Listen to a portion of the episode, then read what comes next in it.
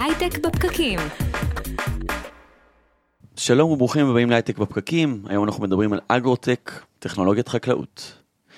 מהפכות טכנולוגיות בחקלאות היו תמיד הגורם שהציל את העולם מרעב המוני וגם ממלחמות. ומתחילת המאה ה-20 היה זה תהליך אבר בוש, שאפשר את הייצור הזריז והזול של אמוניה, שמשמשת עד היום כגורם העיקרי בדשנים. בשנות ה-60 וה-70 העולם חווה את המהפכה הירוקה, שימוש בדשנים, חומרי הדברה, שיטת המונוקולטורה, גידול של אה, זן אחד של תוצרת באזורים נרחבים, כל אלה אפשרו לחקלאים בכל העולם למקסם את התבואות שלהם ולעולם לא לגבוה מרעב. ההערכות הן שעד 2050 אוכלוסיית העולם תגדל בעוד כשני מיליארד אנשים, שזה הרבה פיות להאכיל. היום בתוכנית אנחנו נדבר על איך להאכיל אותם, איך להאכיל אתכם בשנים הקרובות.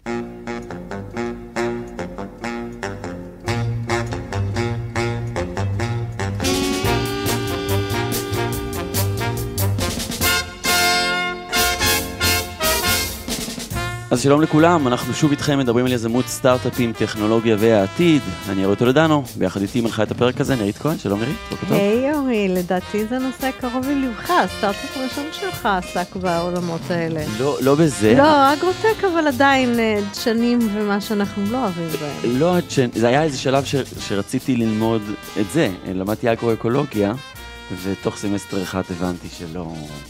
אבל זה עזר לי להבין את תהליך אברבוש, כמה שהוא חשוב ואיך הוא עובד בדיוק. יפה מאוד. אני מתרשמת. כן, נתחיל את הבוקר עם uh, תהליך uh, אברבוש. Uh, חקלאות, קרוב לליבך? האמת היא שאני חושבת שהפרק הזה התחיל להתגלגל אה, בשיחות אה, על מחאת החקלאים, זאת אומרת, אתה יודע, יש את הכן יבוא, לא יבוא, אה, כן חקלאות כלכלית, כמה עולה עגבנייה בסופר לעומת מה שהחקלאי מקבל, וחשבתי לעצמי, אנחנו Start-Up Nation, לא, אולי צריך לדבר קצת על חקלאות וטכנולוגיה. כן. שזה מעניין, את יודעת, במדינות אה, מתפתחות יש הרבה יותר אנשים שעוסקים בחקלאות. היום תחשבי על התעשייה הזאת, שצריכה לספק מוצר שהוא בסופו של דבר די זול, שולי רווח מאוד קטנים. אמ, אנשים שעובדים לרוב בשכר נמוך. מורכב ככה לקחת תעשייה ולהעביר אותה את השלב הבא לכיוון טכנולוגי מעניין יותר. אבל, אבל האמת היא שגם פעם עשו אה, בגדים באנשים שעובדים בשכר נמוך בלי נכון. טכנולוגיה, אז... אה, תחשבי על כמה את משלמת על קילו עגבניות. יפה. כמה שולי רווח קטנים, כמה קשה להתפתח ככה. אמ, אז לפני שנצרף לשיחה את עמית בלסר, נגיד שעל ההפקה של הפרק הזה עובדים הדר חי וטל חי, שנמצא ממש מאחורי המצלמות, והווידאו שטל עורך אה, עולה בפייסבוק Live של כלכליסט ואיצידון הסטארט-אפ. ואם אתם כבר צופים בווידאו הזה, אני אגיד לכם שניתן לשמוע אותנו גם כפודקאסט בכל אפליקציית הפודקאסטים, Spotify, Apple Podcast אה, או כל אפליקציית פודקאסטים אחרת. אמ, אנחנו גם מזמינים אתכם להיכנס לקבוצת הפייסבוק שלנו שנקראת הייטק בפקקים, שם אפשר להתייעץ לגבי שאלות שעולות לכם על הסטארט-אפ שלכם, לשמוע על אה, מיטאפים, כל מיני דברים מגניבים כאלה. ונגיד גם שהפרק הזה הוא בשיתוף חברת פורטוגליס, החברה הגדולה בישראל בתחום האזרחות הפורטוגלית. הרבה אנשים מהתעשייה מתחילים בשנים האחרונות את תהליך האזרחות הפורטוגלית כדי להשיג את הדרכון האירופאי הנחשף. שפותח הזדמנויות ומשמש כמעין תעודת ביטוח לעתיד, מאפשר מעבר חופשי בין ארצות האיחוד האירופי, כניסה למעל מ-180 מדינות ללא ויזה, כולל הברית, שזה חשוב לנו, עבודה ומגורים בפורטוגל ובאירופה ללא הגבלה, לרבות כל הזכויות הסוציאליות של האיחוד, וגם הזדמנויות השקעה אלטרנט... אטרקטיביות בפורטוגל, לימודים אקדמיים בסבסוד מלא או חלקי, אה, וזכאות לדרכון למשפחה, לילדים ובני הזוג.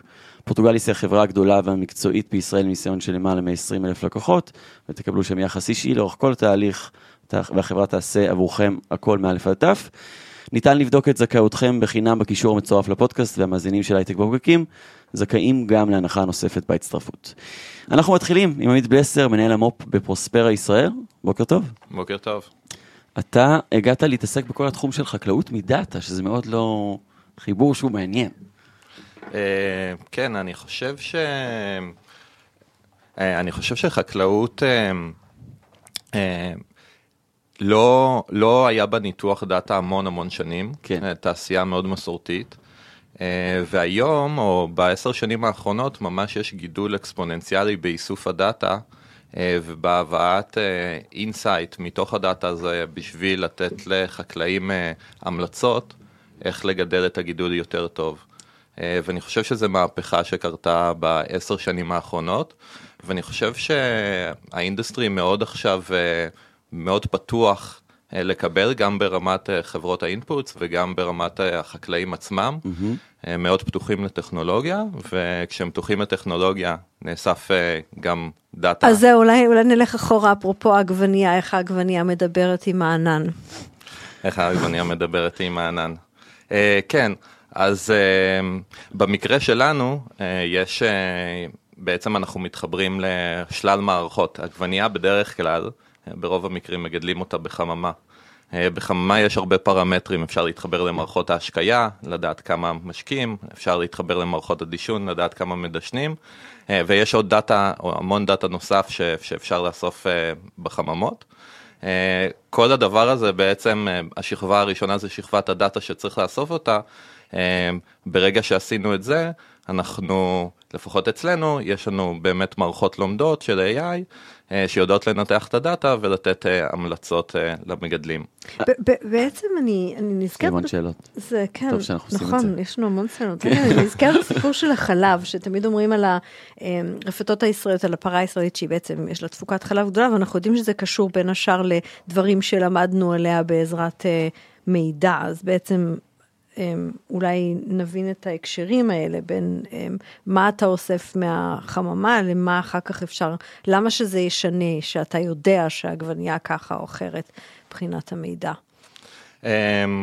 אני חושב שב fundamentals חקלאים יש להם אינטואיציה טובה על איך לגדל, אבל זה יותר מ-know-how שזה עובר בתוך המשפחה, צריך להבין שבחקלאות העסקים הם בדרך כלל משפחתיים, מאב לבן, אה, ויש להם את ה-know-how שלהם, אבל אני חושב שלרוב הם לא אה, הסתכלו על דאטה וניתחו אותו בצורה מאוד מעמיקה בשביל לעשות בעצם את התהליך של אופטימיזציה של הגידול, ואני חושב שהמרחק שלהם היום בחלק מהחקלאים, יש חקלאים אה, יותר טובים פחות ו- וקצת פחות, אה, אני חושב שכולם רחוקים עדיין מתקרת הזכוכית ויש המון דברים לעשות שם. אז עמית בוא, בוא נצלול עוד uh, צעד, נגיד דיברנו על החממה הזאת של העגבניות.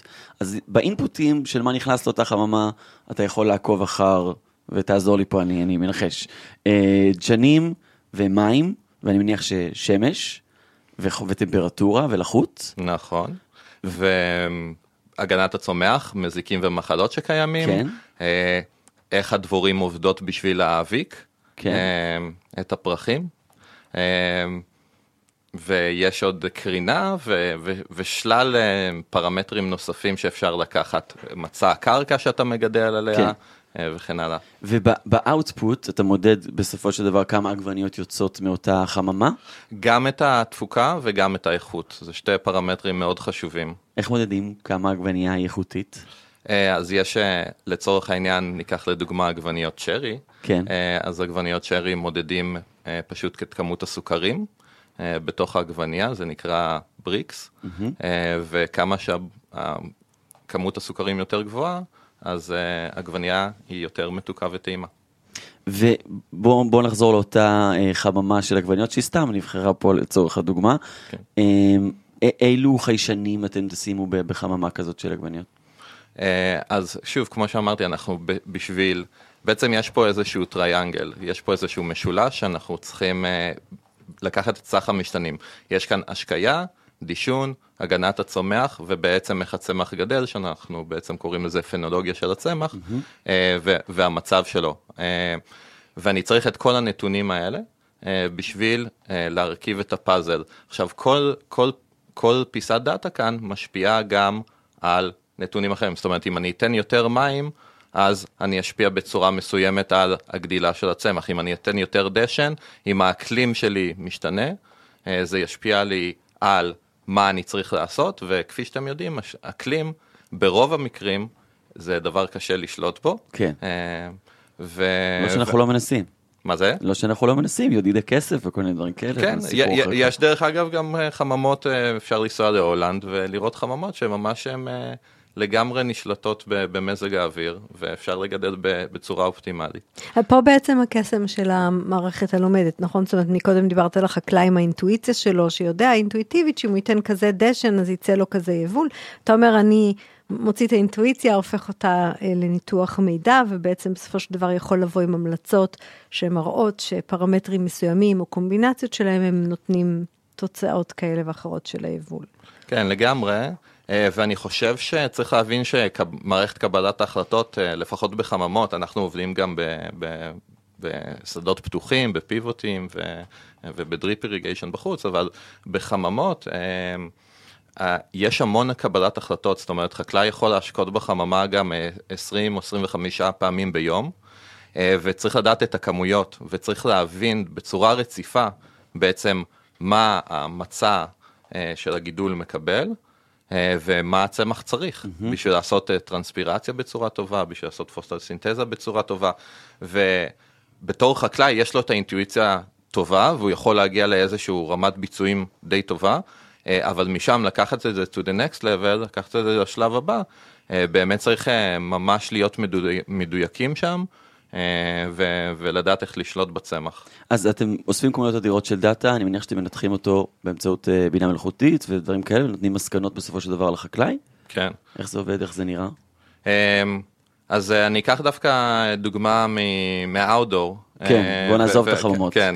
כן. דוגמה מהאוטדור, בעצם אנחנו עובדים בין השאר מאוד חזק בשוק של הפיבוטים.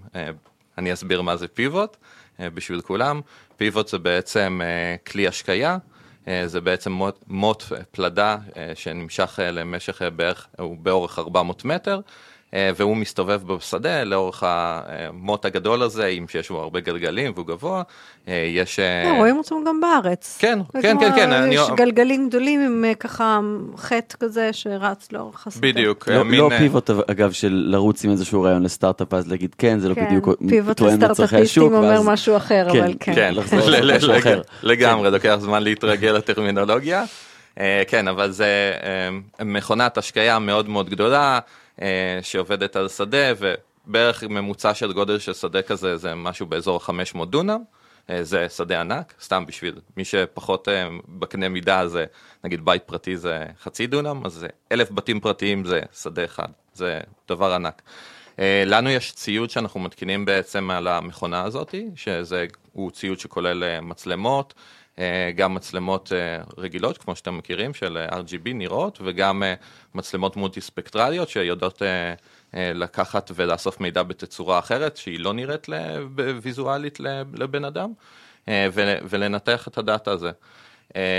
בין, בין הדברים שבעצם אנחנו מספקים לחקלאי זה איך להשקות יותר נכון, כי בעצם אנחנו בכל רגע נתון מודדים ויודעים לעשות perception מתוך השדה. כשאני אומר perception, זה בעצם לעשות חישה לצמחים באמצעות הטכנולוגיה, באמצעות בעצם שלל החיישנים שאנחנו מביאים לתוך השדה. איך באמת מצליחים להגיע לחישה? מה זאת אומרת? איזה סנסורים אתה כן, מתכוון? כן. סוגי, איזה סוגי... כן, אז, אז כמו, כמו שאני אומר, זה, זה יכול להיות נראה, זאת אומרת, אני יכול לראות מחלה, זאת אומרת, אם אני אצלם, יש לי מצלמה על המכונה הזאתי, אז אני פשוט אראה על הצמחים כתמים כאילו של... כאילו זום ממש חזק כן, לצורך זום, העניין. זום, כן, זום מטורף, שממש רואים פיגמנטים ו, ופטריות. ו, ש, אמרת שגדלות... פטריות, אגב, זה נושא שאנחנו נדבר עליו בהמשך עם דן גרוצקי. אני חושבת שהם לא מתכוונים לאותן פטריות, כן, אבל כן. כן. נכון, כן, אז, אז, אז יש מחלות שונות שאנחנו יכולים ליצור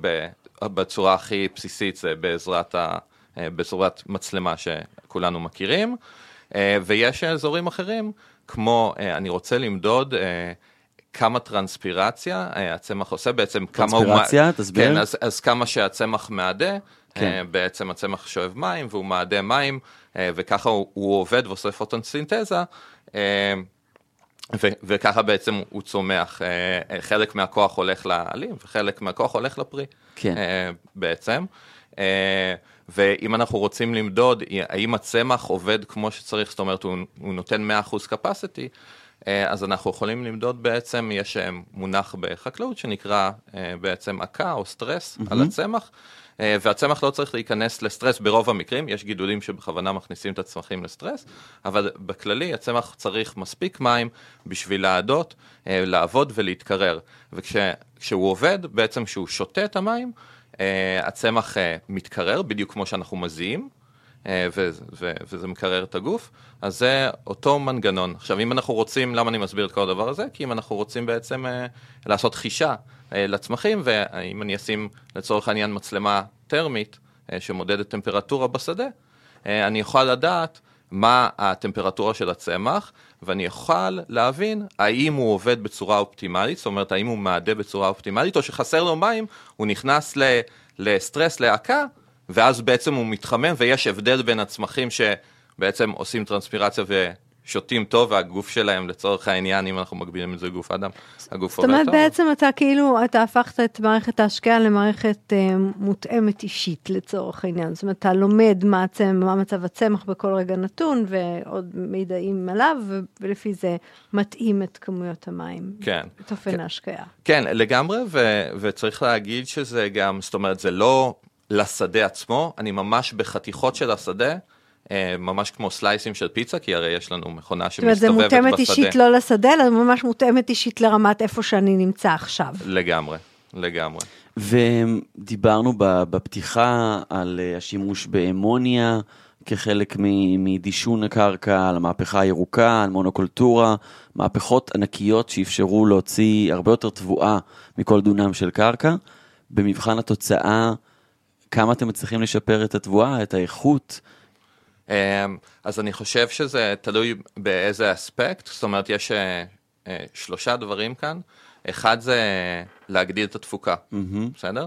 אמ, וזה בעזרת אה, השקיה, השקיה נכונה יותר אופטימלית, דישון נכון ו- ו- והגנת הצומח. אז זה, זה להגדיל את התפוקה בצורה כללית. כן. וכשאני מדבר על הגנת הצומח, בעצם מתקיפים את הצמח מחלות ומזיקים שונים. אה, וצריך להגן על זה. כן. ושם בעצם אפשר להגיד שאנחנו מגדילים את היבול, או מהצד השני, אנחנו מונים ירידת יבול בתוך השדה. מונים את הפגיעה. בדיוק, כאילו מונים, מונים את הפגיעה, אה, ומהצד השני, אה, מנסים להוריד את האינפוטס. גם, גם ברמת הריסוסים, כולנו יודעים שזה כן. פחות אקולוגי. כן, מה שאגב לא דיברנו בהקשר של המהפכה הירוקה, זה הרבה אנשים במהלך הלימוד של העולם של שימוש במדבירים, המון אנשים נהרגו, מדברים על מיליונים, בעיקר מזרח אה, אה, אסיה, אמ, אז זה, זה עניין. לגמרי, ותחשבו שבעצם עם לפחות הטכנולוגיה שאנחנו עובדים, אה, בגלל שאנחנו רואים כל פיסה של השדה, והשדה כפי שאמרנו הוא עצום בגודלו, בעצם תחשבו שיש מחלה באזור מסוים, ואזור מסוים הוא בסדר. כן. היום חקלאים הם... אתה יכול לעזור הם... לעצור את זה, או, ו- וגם... או לרסס רק במקום שיש בדיוק, את המחלה. ב- כן. ב- ב- בדיוק, וזה מהצד השני של לחסוך באינפוטס. אז עד, אם... כמה, עד כמה זה קל לדבר עם חקלאים על הצורך להכניס uh, טכנולוגיה וכאילו, אתה יודע, חיבור בין חקלאות למערכות לומדות? ו... אה, אז אני חושב שיש פה שיפור אקספוננציאלי בעשר שנים האחרונות. אני, אני בתעשייה ש, ש, שבע שנים בערך. אה, אבל אני, אני רואה את הטרנד קצת מלפני, אה, ואני חושב שזה הולך ו, ומתגבר, ואני חושב שהשוק עכשיו, אה, בשנים, בכמה שנים האחרונות, מאוד מאוד מקבל. צריך להבין ש... אתם בעצם מתמודדים קצת עם דור חדש, הוא קצת יותר פתוח.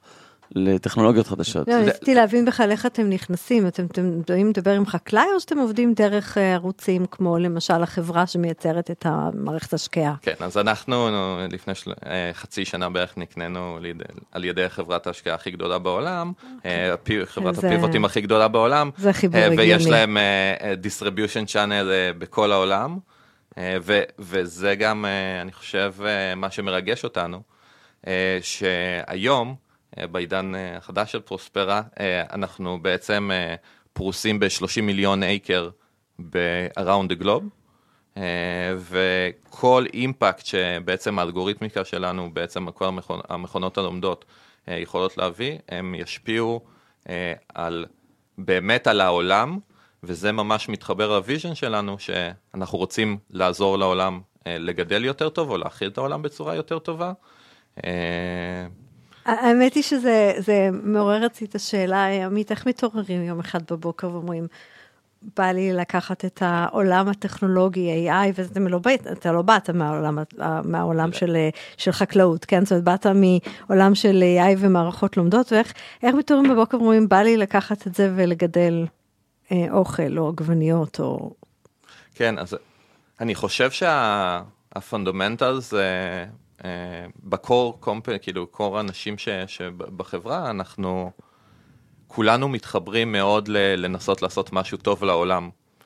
אה, ואני חושב שה challenge בתחום של החקלאות הוא challenge מאוד מאוד גדול. תסתכלו בכלל על ה... אה, על הטכנולוגיה ו, ובכלל אה, האדפטציה שלה בעולם. בהתחלה התעסקו בדברים של אופטימיזציה של דברים יותר קלים, אה, באינטרנט, פרסום וכן הלאה, ותחום החקלאות הוא תחום יותר, יותר קשה. מסורתי, הוא כן. תחום, הוא גם תחום מסורתי ברמת הקבלה של טכנולוגיה, והוא גם תחום מורכב. יש ציוד של hardware, ציוד, ציוד חומרה בשטח. אה, צריך לעשות חישה, יש הרבה פרמטרים שאנחנו לא שולטים בהם.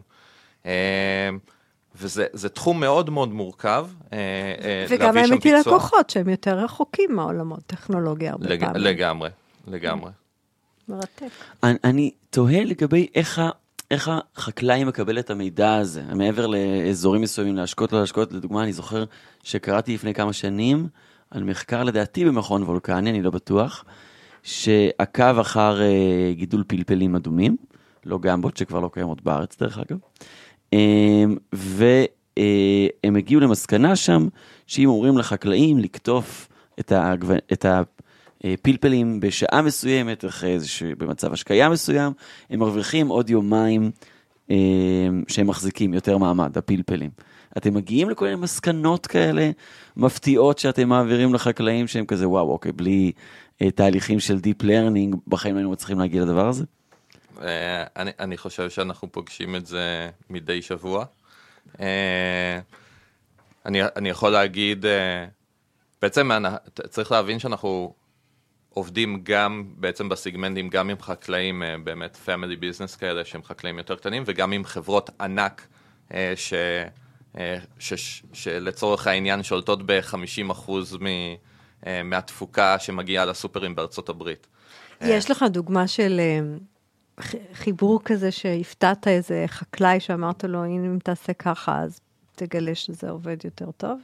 אה, לגמרי, אני חושב שהיה לנו איזשהו מקרה במקסיקו, דווקא באמת לצורך העניין בחממות, שיש איזה זן מאוד מסוים שהם גידלו אותו במשך עשור, בצורה מסוימת, עם אסטרטגיה מסוימת.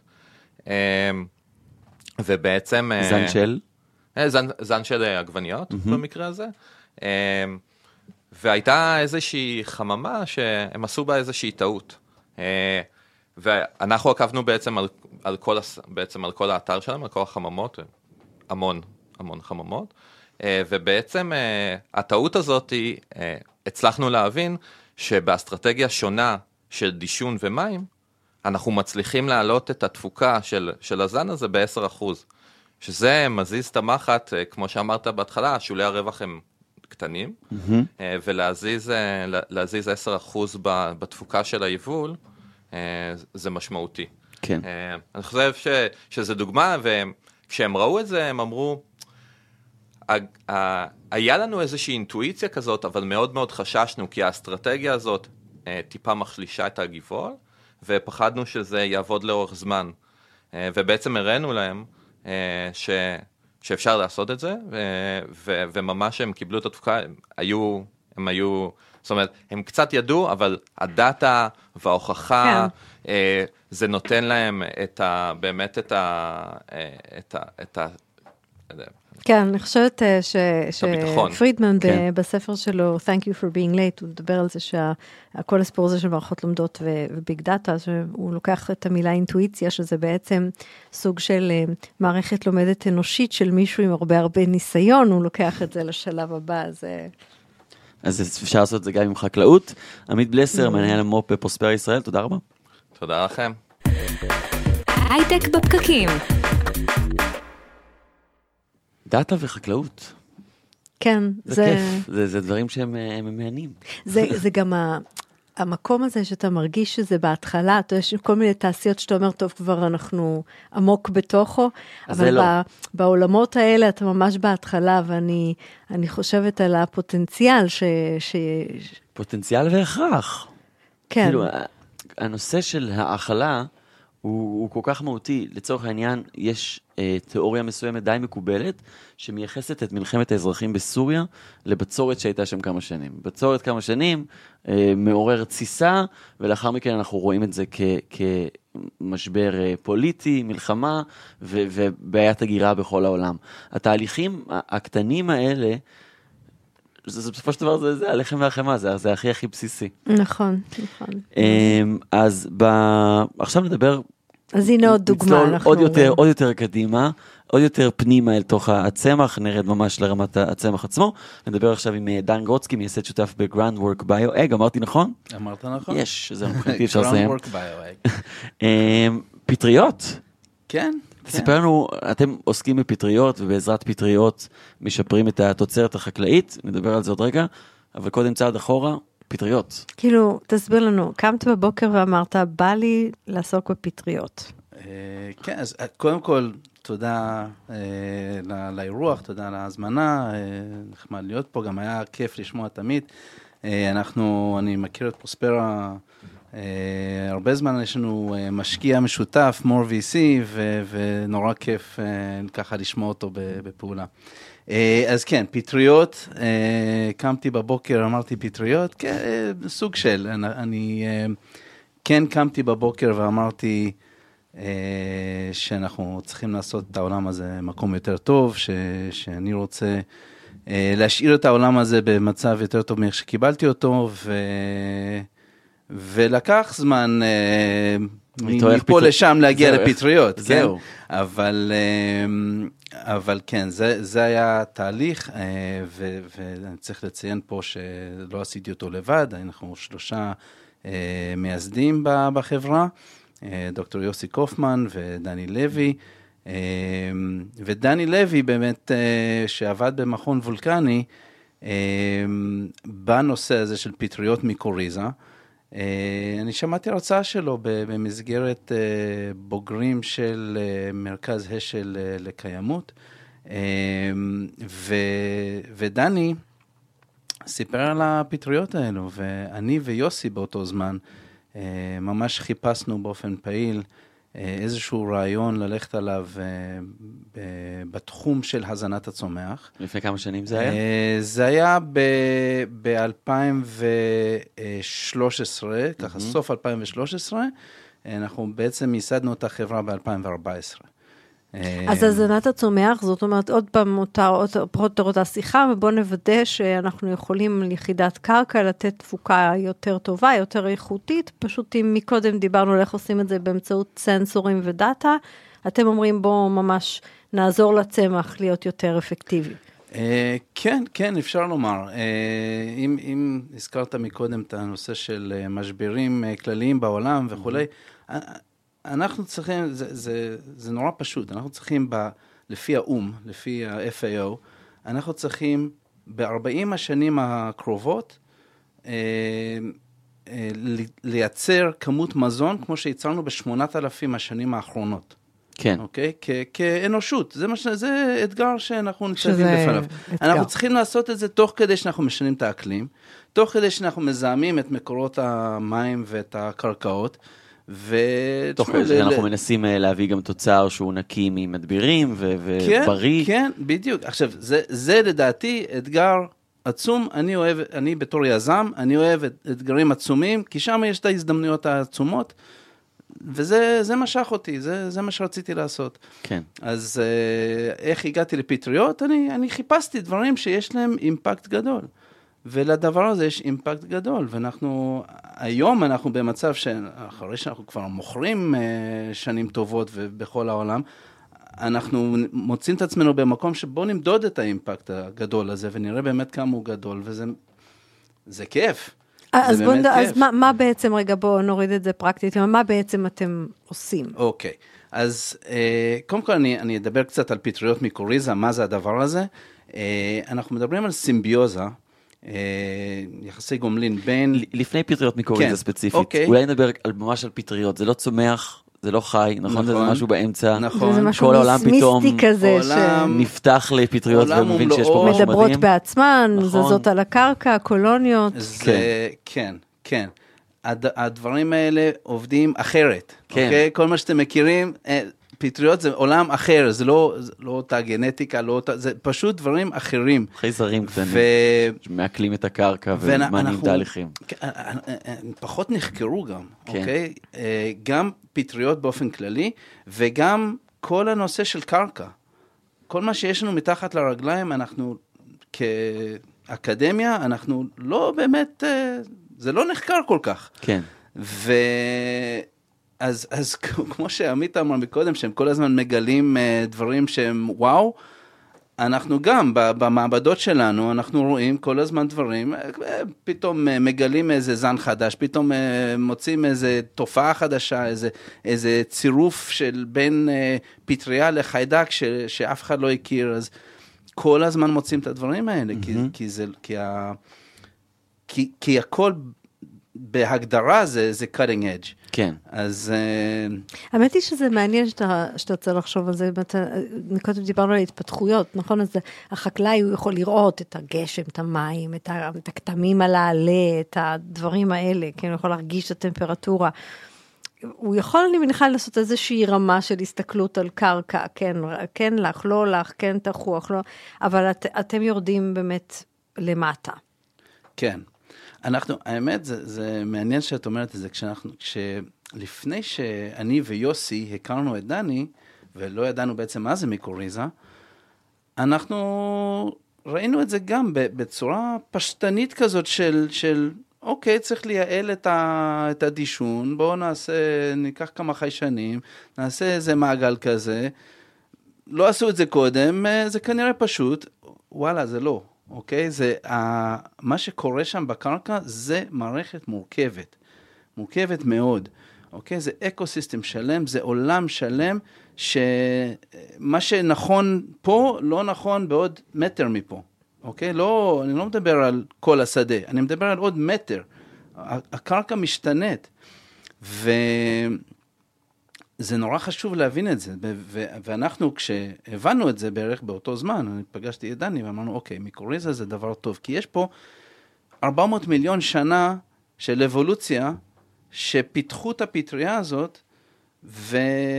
והדבר הזה עובד. ש... אז, שהתפקיד אז שלה, כן, מה, מה זה מיקוריזה? וזהו, ועכשיו כן, עכשיו נסביר מה זה, אבל, אבל הדבר הזה עובד, וככה צמחים גדלים בטבע, אוקיי? 400 מיליון שנה, אנחנו ב... בחקלאות אנחנו קודם הורגים את כל הקרקע, כל מה שיש שם, ואז מנסים לגדל צמחים. וזה מה שלא עובד, כי אנחנו הרסנו איזשהו אקו סיסטם mm-hmm. שהוא, שהוא מאוד, הוא, הוא עדין, הוא, הוא, אבל הוא, הוא עובד, הוא ממש, אה, בטבע הוא עובד כמו שצריך. ואנחנו במהפכה הירוקה, אה, זה, זאת הייתה הגישה, בואו נהר... בוא נהרוג את הכל, וכן. כן. גישה באמת אגרסיבית, ש, שהתרכזה באמת אולי בדברים הכי חשובים, בצמח עצמו, אבל שכחה שבעצם יש פה, יש פה עולם מלא של, של אורגניזמים אה, שעובדים ביחד. טוב, הגיע הזמן שנדבר על מה זה מיקוריזה, כן. מה, מה זה הדבר הזה.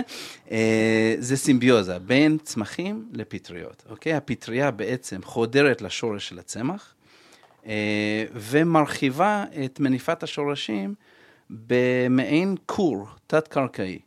אוקיי? זה, זה, אנחנו מדברים על ממש uh, כמו שערות מיקרוסקופיות כאלה, זה הגוף של הפטריה, זה נקרא תפטיר, והתפטיר הזה ממש מרחיב את השורשים uh, פי מאות, אפילו פי אלפים. זאת אומרת, הוא עושה extension לשורש של הצמח, כאילו, כן. כאילו הפטריה הופכת להיות חלק ממערכת השורש של הצמח. זה הופך להיות מערכת שורשים משנית. עכשיו, מה זה עושה? קודם כל, הפטריה יודעת לפרק. הפטריה מתחברת לצמח? היא ממש חודרת לצמח, לא רק מתחברת. הצמח מקבל את הפטריה הזאת באהבה, mm-hmm. כי, כי הצמח יודע, במרכאות, שהוא הולך לקבל אה, כאן... אה, תועלות, כן. הרבה מאוד תועלות. עזרה שהוא לא יכול לקבל נכון. בעצמו. אוקיי. יש גם הרבה מאוד תקשורת אפילו בין, בין הצמחים לפטריות ובין צמח לצמח באמצעות הפטריות, אוקיי? יש ממש מערכת תקשורת דרך הכור התת-קרקעי הזה. וואו. זה עולם ומלואו, אפשר כן. לדבר על זה אם זה מעניין. ואז היא בעצם מביאה מהקרקע פשוט יותר, או שהיא פשוט מביאה משהו אחר? אם, אם הדשן זה האוכל של הצמח, אז המיקוריזה זה הכפית. אוקיי. Okay, אוקיי? זה... זה ממש מעביר את הנוטריאנטים האלה פנימה, את חומרי ההזנה פנימה לתוך הצמח. אה, ושם... ואז בעצם הצמח לא תלוי רק בנקודת הקרקע שהוא נמצא בו, הוא בעצם יכול לקבל הזנה מאיפה שיש, אפילו אם זה קצת יותר רחוק. הוא, הוא כן, יש לו, יש לו גם, גם יותר רחוק וגם ב, בתצורות שהוא לא, לא יודע לפרק בעצמו. אוקיי. אוקיי? והבולט זה הנושא של זרחן. אוקיי? כל, כל צמח, כל בעל חיים, אנחנו כולנו צריכים זרחן כדי כן. לחיות. וזרחן זה, זה בעיה, אנחנו... אה, מבחינת דישון זרחני, אנחנו אה, אה, מדללים את, ה, את מקורות הזרחן שלנו בעולם. מדברים על זה, כמו שיש פיק אויל, אז יש גם פיק פספרס, זה ממש נקודה שבה אנחנו נגיע למקום שאנחנו, שלא יהיו לנו מקורות זרחן זמינות, mm-hmm. זמינים. אז הנקודה הזאת קורית ב-2030, זה ממש עוד מעט. כן. אוקיי? ו... ואז אנחנו צריכים להיות יותר חכמים בצורה שבה אנחנו צורכים זרחן ו... וקוראים זרחן וכולי. המיקוריזה יכולה להיות ממש פתרון לדבר הזה, כי המיקוריזה, צמח עם מיקוריזה, אה, סליחה, צמח בלי מיקוריזה, יודע לקלוט רק 15% מהדשן הזרחני שמיושם בקרקע. Mm-hmm. אוקיי? וצמח עם מיקוריזה יודע לקלוט עד 90%. וואו. אוקיי? אז זה ממש Game Changer בנושא הזה. אנחנו... ובאופן טבעי, כשאני שותל עגבניות בגינה, זה הדוגמה להיום, מצטער, אוקיי? עגבניות, עגבניות בגינה. אמ, אז יהיה לי מיקוריזה בקרקע? Uh, תלוי איך אתה עושה את זה. אם אתה, אם אתה שותל אה, עגבניות בתוך אה, קרקע טבעית, שכנראה שאין לך, כן. תלוי מה זה הגינה הזאת. אוקיי? הגינה אחת זאת זה פסולת של מי שבנה את הבית כן. ועוד כל מיני דברים כאלה. כן. אם זה גינה עירונית, אין הרבה סיכוי שיהיה לך שם אה, מיקוריזה. אם זה גינה, אם זה משהו חקלאי, גם אין הרבה סיכוי שתהיה לך שם מיקוריזה. אבל בכל קרקע שהיא טבעית, תצא ליער, תצא ל... כן, אז מפוצץ מיקוריזה, אוקיי? אוקיי? לא רק שמפוצץ, זה משהו שהוא טבעי והוא חלק ארי מהביומאסה. Mm-hmm. של קרקע. כן. בשביל okay. אוקיי. כל המאזינים שלנו ששואלים את עצמם עכשיו איפה אני יכול להביא כזה אדמה, כשאני קונה אדמה גננית ב, ב, במשתלה, זה מכיל מיקוריזה? אה, תלוי, בארץ לא ממש. Okay. אוקיי. אה, לא, בדרך כלל לא מוכרים בארץ אה, תערובות אה, גידול עם מיקוריזה. אנחנו מוכרים לכמה חברות, בעיקר בארצות הברית ובקנדה. אה, לתערובות גידול. אז איך אתם בעצם מגיעים לחקלאי? איך הוא יודע על קיומכם? אוקיי, אה, אז בחקלאות יש אה, שרשרת אספקה כמו בכל תעשייה, אנחנו מוכרים לדילרים ולמפיצים. זה כמו שמוכרים דשן, או כמו שמוכרים כן, הדברות וזרעים, כן. אז אתם מוכרים תערובת של משהו שאמור כאילו לדשן יותר טוב במרכאות. אפשר לומר, למרות שהדרך שה, הכי טובה לעשות את זה באמת יעיל ובאמת בסקייל, כמו שאנחנו עושים, אה, אנחנו מכסים מיליון אייקר עם, אה, עם פטריות מיקוריזה השנה, הדרך הכי יעילה וטובה לעשות את זה היא באמצעות מה שנקרא טיפול זרעים. זאת אומרת, מוכרים את הזרע mm. עם איזשהו עיתוי מאוד דק על הזרע, ואז החקלאי לא צריך לעשות שום דבר. איך, שה, איך שהזרע נובט, הפטריה נובטת עם הזרע, ו... והכל פשוט עובד. אז זה השיתוף פעולה שלכם בחדירה ל-go to market? אז, אז מבחינת go to market זה קריטי, אמ, וכדי להגיע לזה, חייבים אה, מוצר שהוא סופר מרוכז, כי הנדלן על הזרע הוא מאוד מאוד יקר. בדרך כלל, אה, בעיתוי זרעים, יש הרבה מאוד חומרי הדברה אה, כימיים לא שלא, שלא לא תאהבו אותם כל כך אם נדבר עליהם, אבל... שהם גם עוטים את הזרע. שהם גם עוטים את הזרע. בעצם אנחנו צריכים לקחת עכשיו מיקרוב חי, כן. פטריה, ולשים אותה ביחד עם קוטל פטריות. כן. על אותו זרע, וזה צריך להיות נורא מרוכז ו- ולחיות והכל צריך לעבוד. את יודעת על העולם הזה? עכשיו הוא אומר לי הנדלן על הזרע. כן, אה? זה נדלן מאוד יקר, אני לא ידעתי בכלל שיש תהליכים כאלה שמתרחשים. זה, זה הסטנדרט בגידולי שדה. כן. אה, כשקונים זרעים, נגיד של, של תירס, mm-hmm. אתה קונה זרעים של תירס, ברוב העולם הם מגיעים עטויים. אה, זרעים של סויה לא מגיעים בדרך כלל לטויים, כי הם הרבה יותר עדינים, אז צריך להטות אותם בשטח, אז החקלאי עושה את זה, או הדילר עושה את זה, אז יש ממש מכונות בערך בגודל של החדר הזה, ש... שעושות את עיתוי הזרעים, mm-hmm. ואנחנו נכנסים לתוך הדבר הזה, זאת אומרת, מאוד חשוב, אני חושב שלכל יזם, אה, לכל מודל עסקי, מאוד חשוב להיכנס לאיזשהו מודל קיים של כן. יישום. ולא להצריך איזה משהו ייחודי. לעשות חינוך לה... שוק אגרסיבי כן, מדי. ואז בעצם הסיבה הכלכלית ההגיונית אה, זה, זה שאם אני אכניס אותך לזרעים שלי, הזרעים שלי יהיו יותר בריאים, יותר אה, בתפוקה אז... יותר טובה וכולי, וזה בעצם הסיבה. בדרך כלל המגדלים, אה, יש שלושה דברים שמעניינים אותם. קודם כל זה היבול שלה שהוא מקבל בשטח. שנית זה כמה יבול הוא מקבל מהפרי, ו- ושלישי זה פשוט היבול של השטח שלו. זה, זה מה שמעניין ואתה אותו. ואתה מגביר את הדבר הזה בעצם. יבול, כן. אוקיי? אנחנו עושים הרבה יותר, כן? כן. אנחנו מן הסתם מגבירים יבול, חייבים. אה, אנחנו גם מגינים מפני עקות, כמו שעמית סיפר מקודם, על סטרס. אנחנו גם חוסכים בדשן, בייחוד אה, דשן זרחני. אה, ואת כל זה אנחנו עושים עם, עם מוצר שהוא לגמרי טבעי, הוא אורגני, הוא אקולוגי. וכמה באמת זה, זה לחקלאי שמעניין אותו הגידול של הצמח, של השדה, והגידול בסופו של דבר זה מה שמעניין אותו, התבואה. הוא נותן לו את מה שמעניין אותו. אז כמה, אז... כמה זה עוזר? אה, זה מאוד מאוד תלוי בנסיבות. אנחנו אתה שואל אחוזים, נגיד, תגיד לי כן, בכמה זה משפר באחוזים. אבל... את העגבניות. תראו, כל מספר שאני אגיד, אנחנו מדברים על מערכות מורכבות והרבה מאוד פרמטרים, זה... גידולים שונים, קרקעות שונים, אה, אה, אה, אקלים שונה, טריטוריה אחרת, טכנולוגיות גידול אחרות, כל הדברים האלה באים לידי ביטוי. ככל שהמגדל רחוק יותר מהאופטימום, mm-hmm. האופטימום של הזרע, ככה האימפקט של המוצר שלנו גבוה יותר. אוקיי? אנחנו משפיעים יותר כשקשה. כן. כשהצמח יש לו עקה, כשיש לו איזה בעיה, כן, או שהקרקע מאתגרת. לפעמים אנחנו ממש מצ... מצילים את הגידול, אוקיי? לא מטופל, מת, ומטופל נותן איזשהו יבול, זה דברים שקורים. מדהים. כן.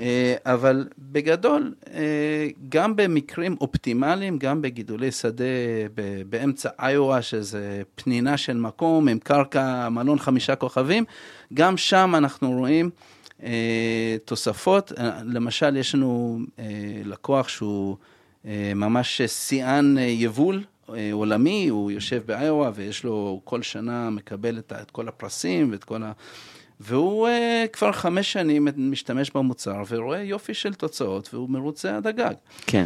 אז זה לא רק כשיש, זה לא רק בהודו כשיש להם סטרס, זה גם... בארץ יש לך לקוחות? בוודאי, okay. אוקיי. בוודאי. סביר להניח שכשאתם אוכלים פירות וירקות... Uh, אה, מה, מהירקן, שחלקם אה, גדלו עם המוצרים שלנו.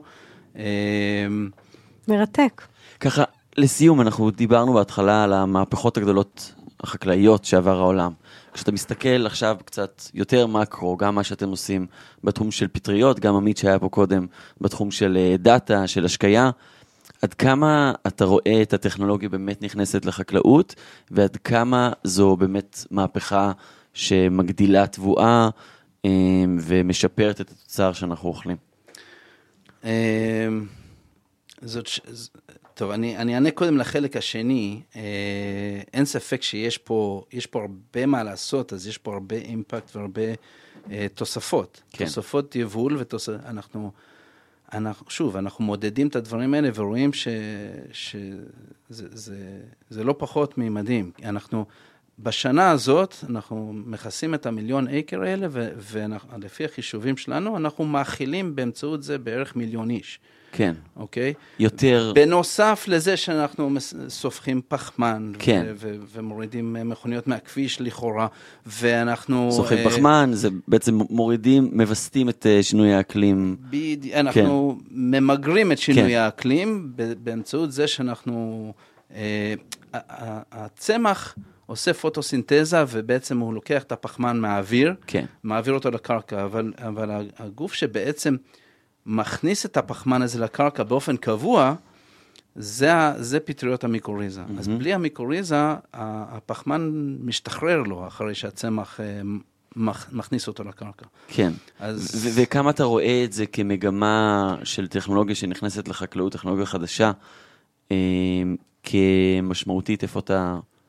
מרגיש את זה יותר. אז, אז זהו, זה, זה, זה סופר משמעותי, זה, זה לא כמו... אה, יש, יש כמה תחומים, יש תעשיות שכבר, אוקיי, הטכנולוגיה שם, אה, לא, לא, אני לא רואה ש...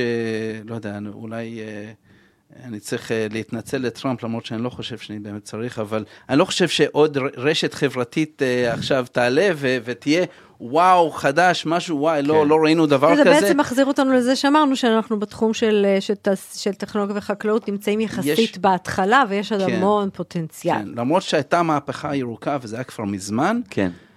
ההזדמנויות הן עצומות בחקלאות.